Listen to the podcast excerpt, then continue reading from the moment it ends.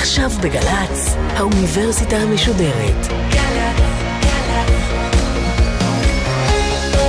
מה שקורה עכשיו.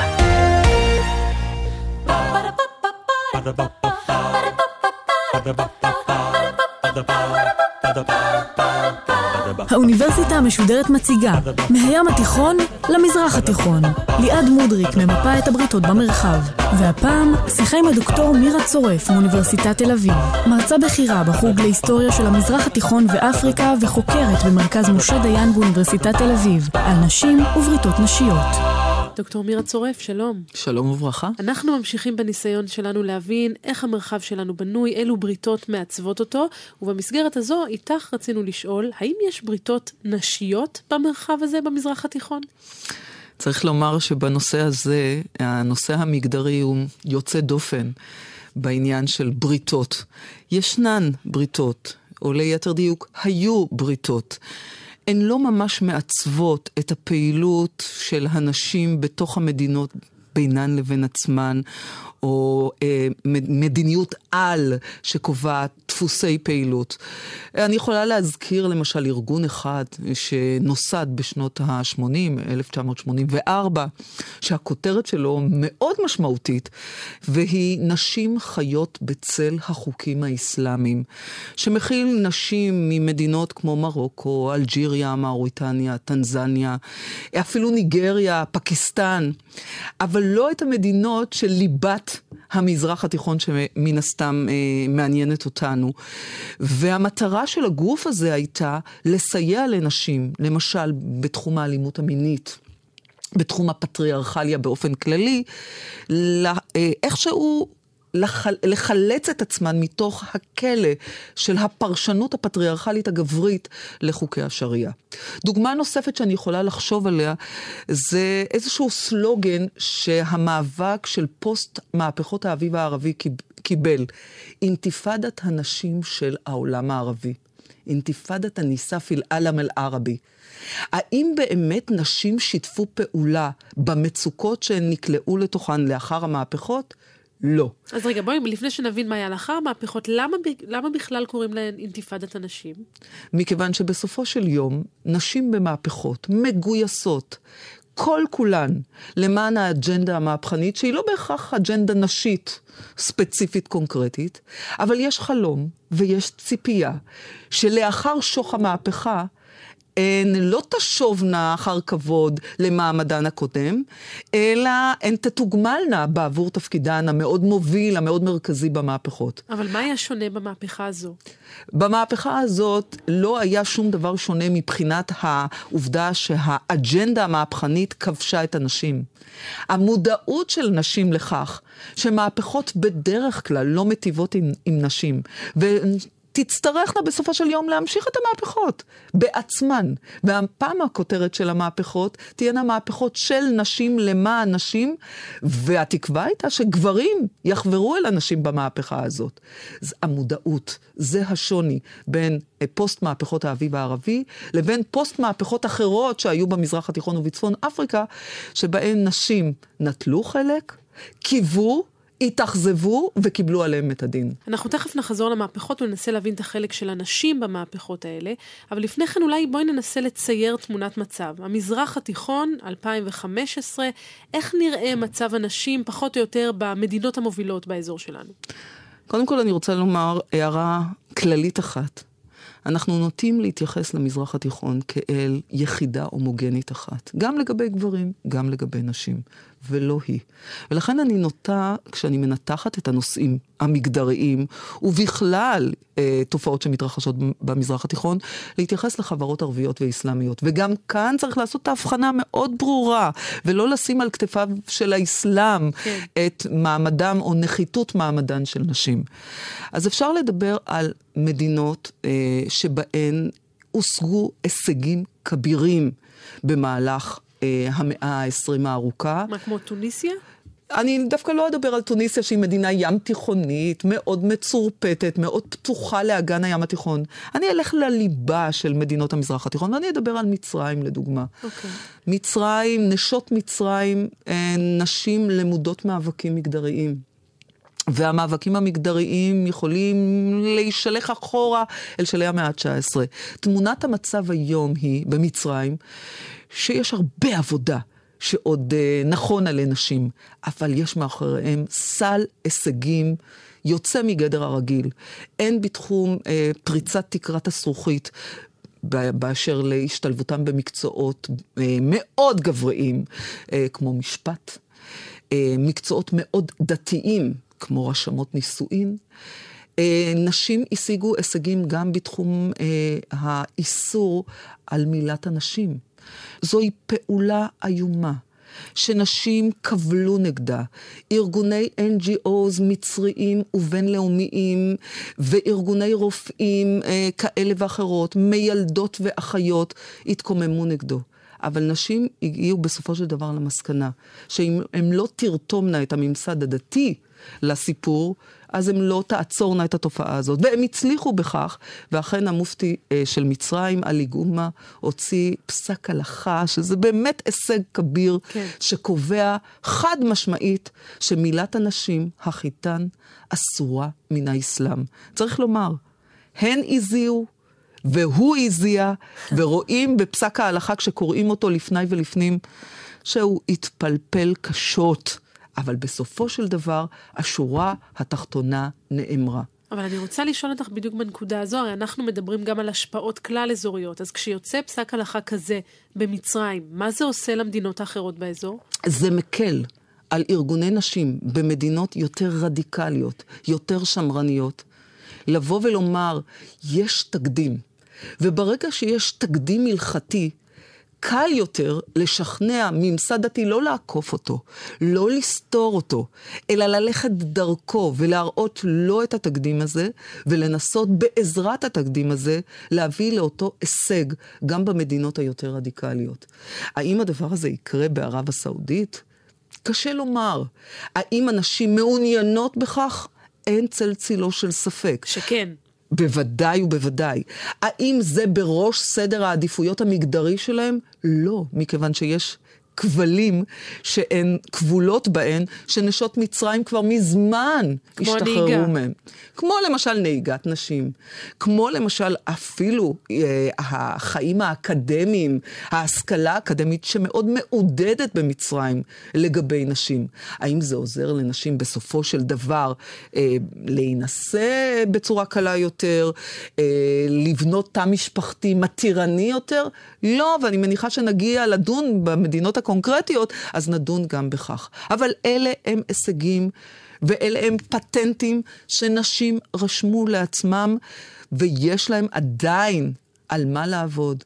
יש להם עדיין אג'נדה מאוד ברורה, שנוגעת למשל למודל הנישואים השמרני שהן צריכות לפצח אותו, שנוגעת אפילו לשגרת היומיון, למשל להטרדות המיניות כן. במרחב הציבורי, שזה באמת חוצה מדינות וחוצה גבולות, והן מנהלות מאבקים דרמטיים. אגב, את מדברת על המדינות ועל האזור, ופתאום אני חושבת לעצמי, איפה אנחנו בסיפור הזה? אנחנו בתפיסה שלנו כמובן צריכים להיות בקצה הפירמידה, הנשים בישראל הכי משוחררות במזרח התיכון, זה נכון?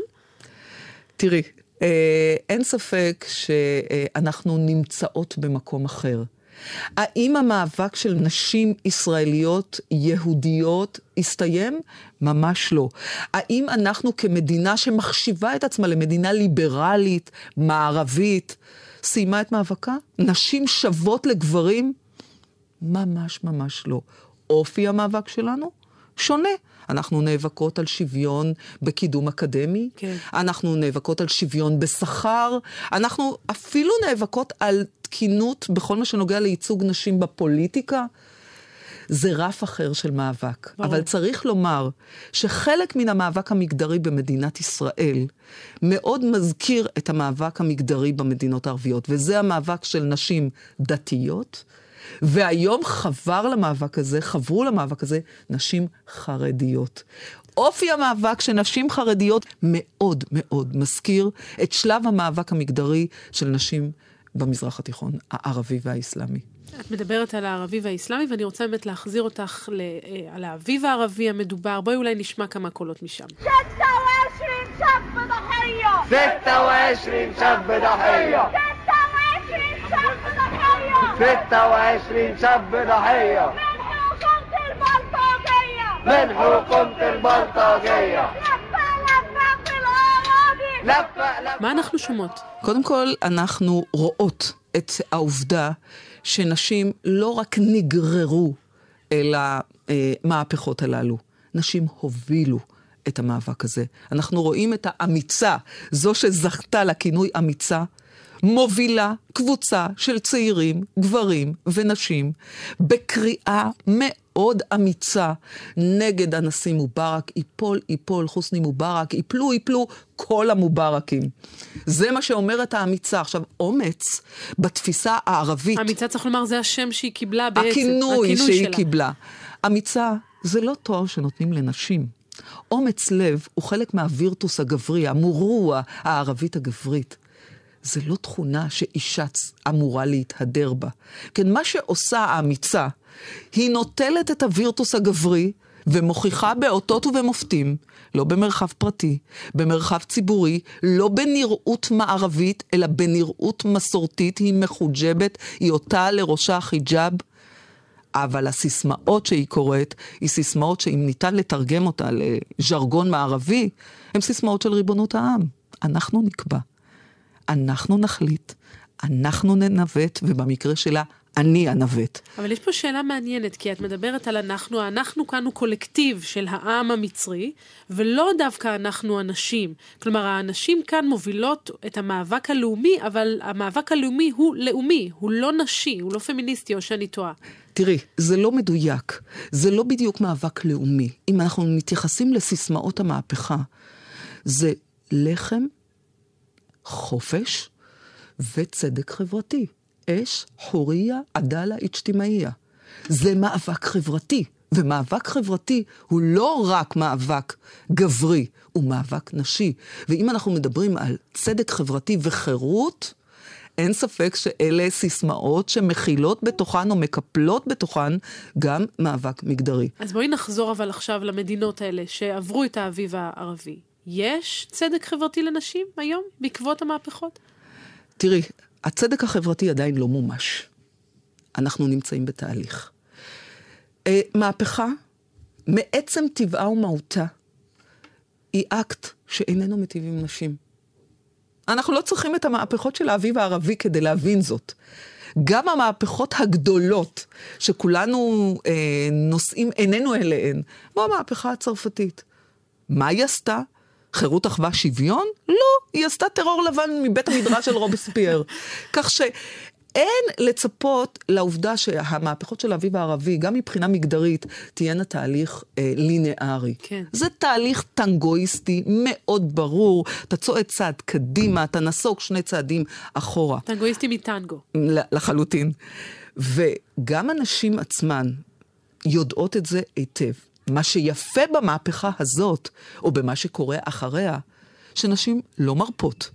הן לא סיימו את המהפכה מבחינתן, ולכן ברגע שהמשטרים האוטוקרטיים הודחו, והודחו השליטים האוטוקרטיים, המהפכה לובשת צביון הרבה יותר קונקרטי מבחינתן של נשים. אז ראינו במהפכות האביב הערבי, במדינות שלא תיארנו ולא חלמנו, שאישה תוביל מהפכה. תימן. כן. היא לא אה, אוטוקרטיה רכה, ברור. היא לא סונית אה, פתוחה, היא זיידית, שיעית, ומי שהובילה את המהפכה זו אישה, כן. טאוואקול קרמן, שהיא במאפיין שלה חברה בתנועת האסלאח, שהיא האחים המוסלמים התימנית. כן, ואני רוצה בדיוק לעשות את החיבורים האלה בין מצרים, בין תימן, בין סעודיה שהזכרנו קודם, והמאבק לניגש, אני יודעת מה, אולי בואי נשמע קטע ואז נמשיך לשוחח. ال- ال- المشكلة هي كما تردد عند الجميع المسؤولين أنها ليست القضية قيادة المرأة للسيارة ليست قضية آه، سياسية מה שאנחנו רואים כרגע זה מאבק של פובליציסטית סעודית, אה, שהיא מביעה את המאבק החברתי-מגדרי שלה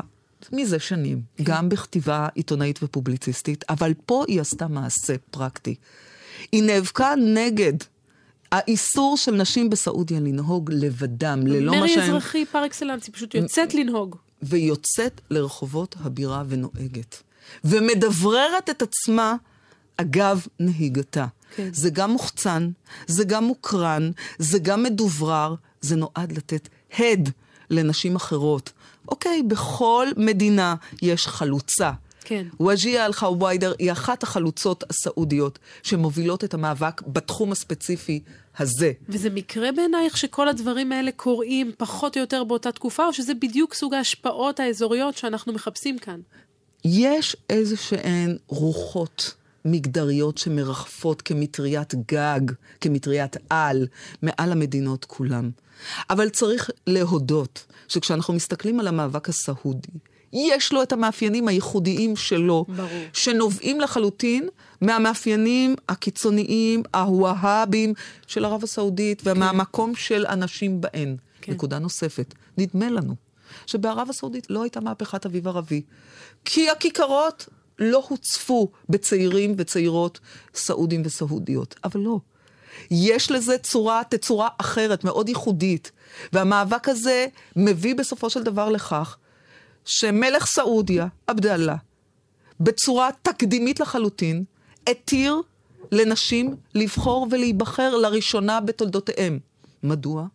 מכיוון שהוא רוצה למנוע אביב ערבי מהסוג המצרי. התימני, הסעודי, והוא יודע שהבונטון שיוכל אולי לעכב, אולי למנוע, אולי למזער את הנזק מבחינתו, הוא לתת חירויות לנשים. הוא יודע יפה מאוד שהוא עלול להיתקל באמת באופוזיציה מסיבית של הממסד הדתי במדינתו. אבל הוא מעדיף את אבל האופוזיציה הזו מאשר את האופוזיציה He ברחובות. can handle with it. הוא יכול כן. איכשהו לנווט את האופוזיציה הזאת. כן. אבל את הצעירים והצעירות כנראה פחות. אנחנו לקראת סיום, בואי נתקרב פנימה. אה, דיברנו על בריתות, בריתות בין ישראליות לבין פלסטיניות, זה משהו שאנחנו חוזרים ורואים בהיסטוריה, נכון? כל מיני ארגוני שלום דווקא של נשים.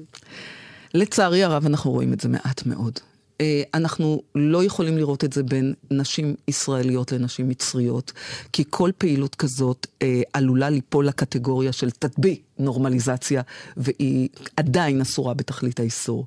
הדבר המפליא הוא שאיפה שזה קרה, בעבר הלא רחוק, ואני מדברת על שנות uh, ה-90 ושנות ה-2000, זה דווקא בין נשים פלסטיניות ונשים uh, ישראליות.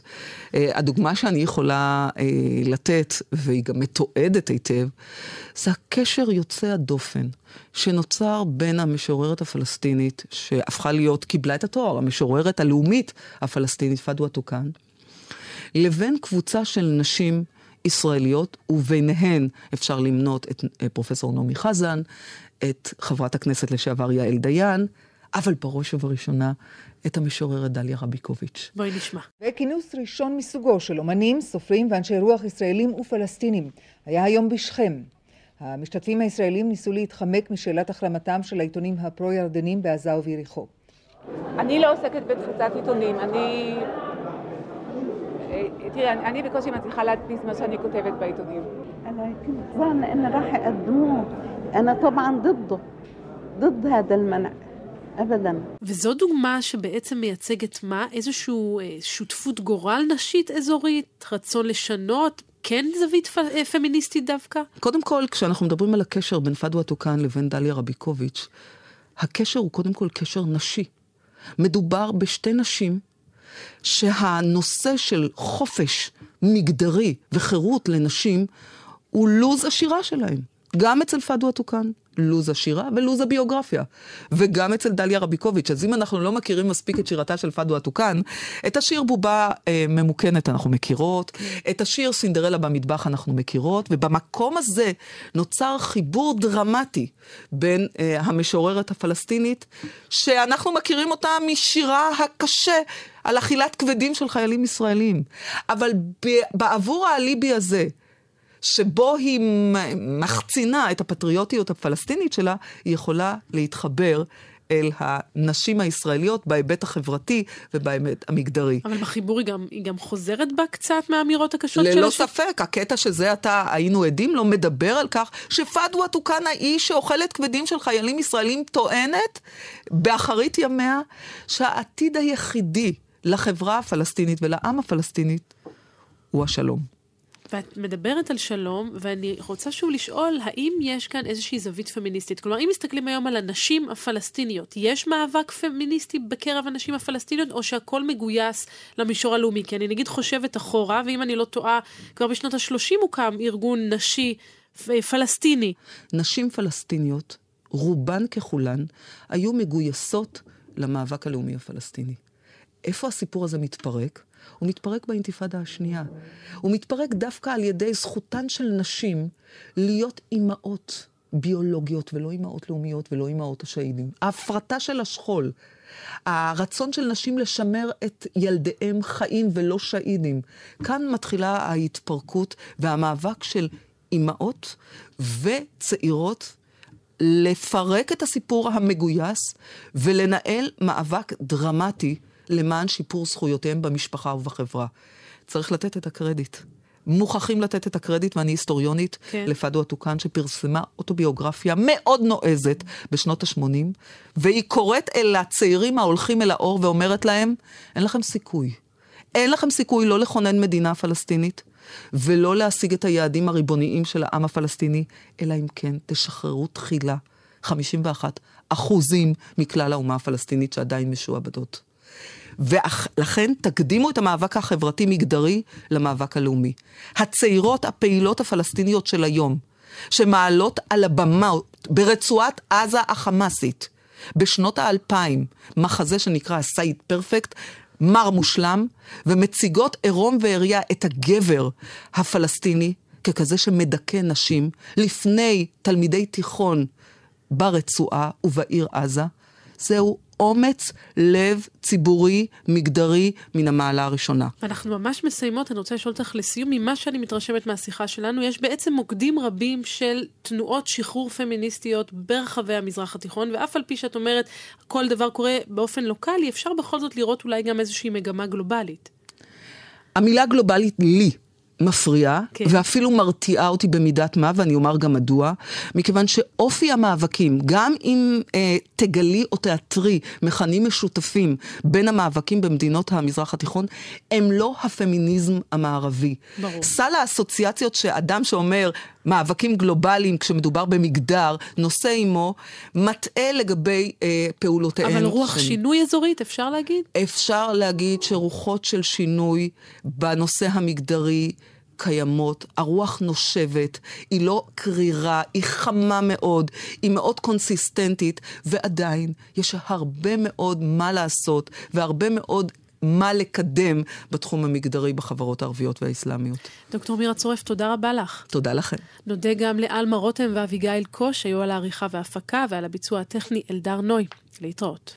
Ba-da-ba-ba-ba האוניברסיטה המשודרת בריתות במרחב. ליעד מודריק שוחחה עם הדוקטור מירה צורף, עמיתת מחקר במרכז משה דיין ללימודי אפריקה והמזרח התיכון, ומרצה במחלקה ללימודי אפריקה והמזרח התיכון באוניברסיטת תל אביב, על נשים ובריתות נשיות. מערכת האוניברסיטה המשודרת, מאיה להט קרמן, ליאור פרידמן, אורן הוברמן וגיא עופר. האוניברסיטה המשודרת, בכל זמן שתרצו, באתר גל"צ וביישומון, אפליקציה של גל"צ, וגם בדף הפייסבוק של האוניברסיטה המשודרת.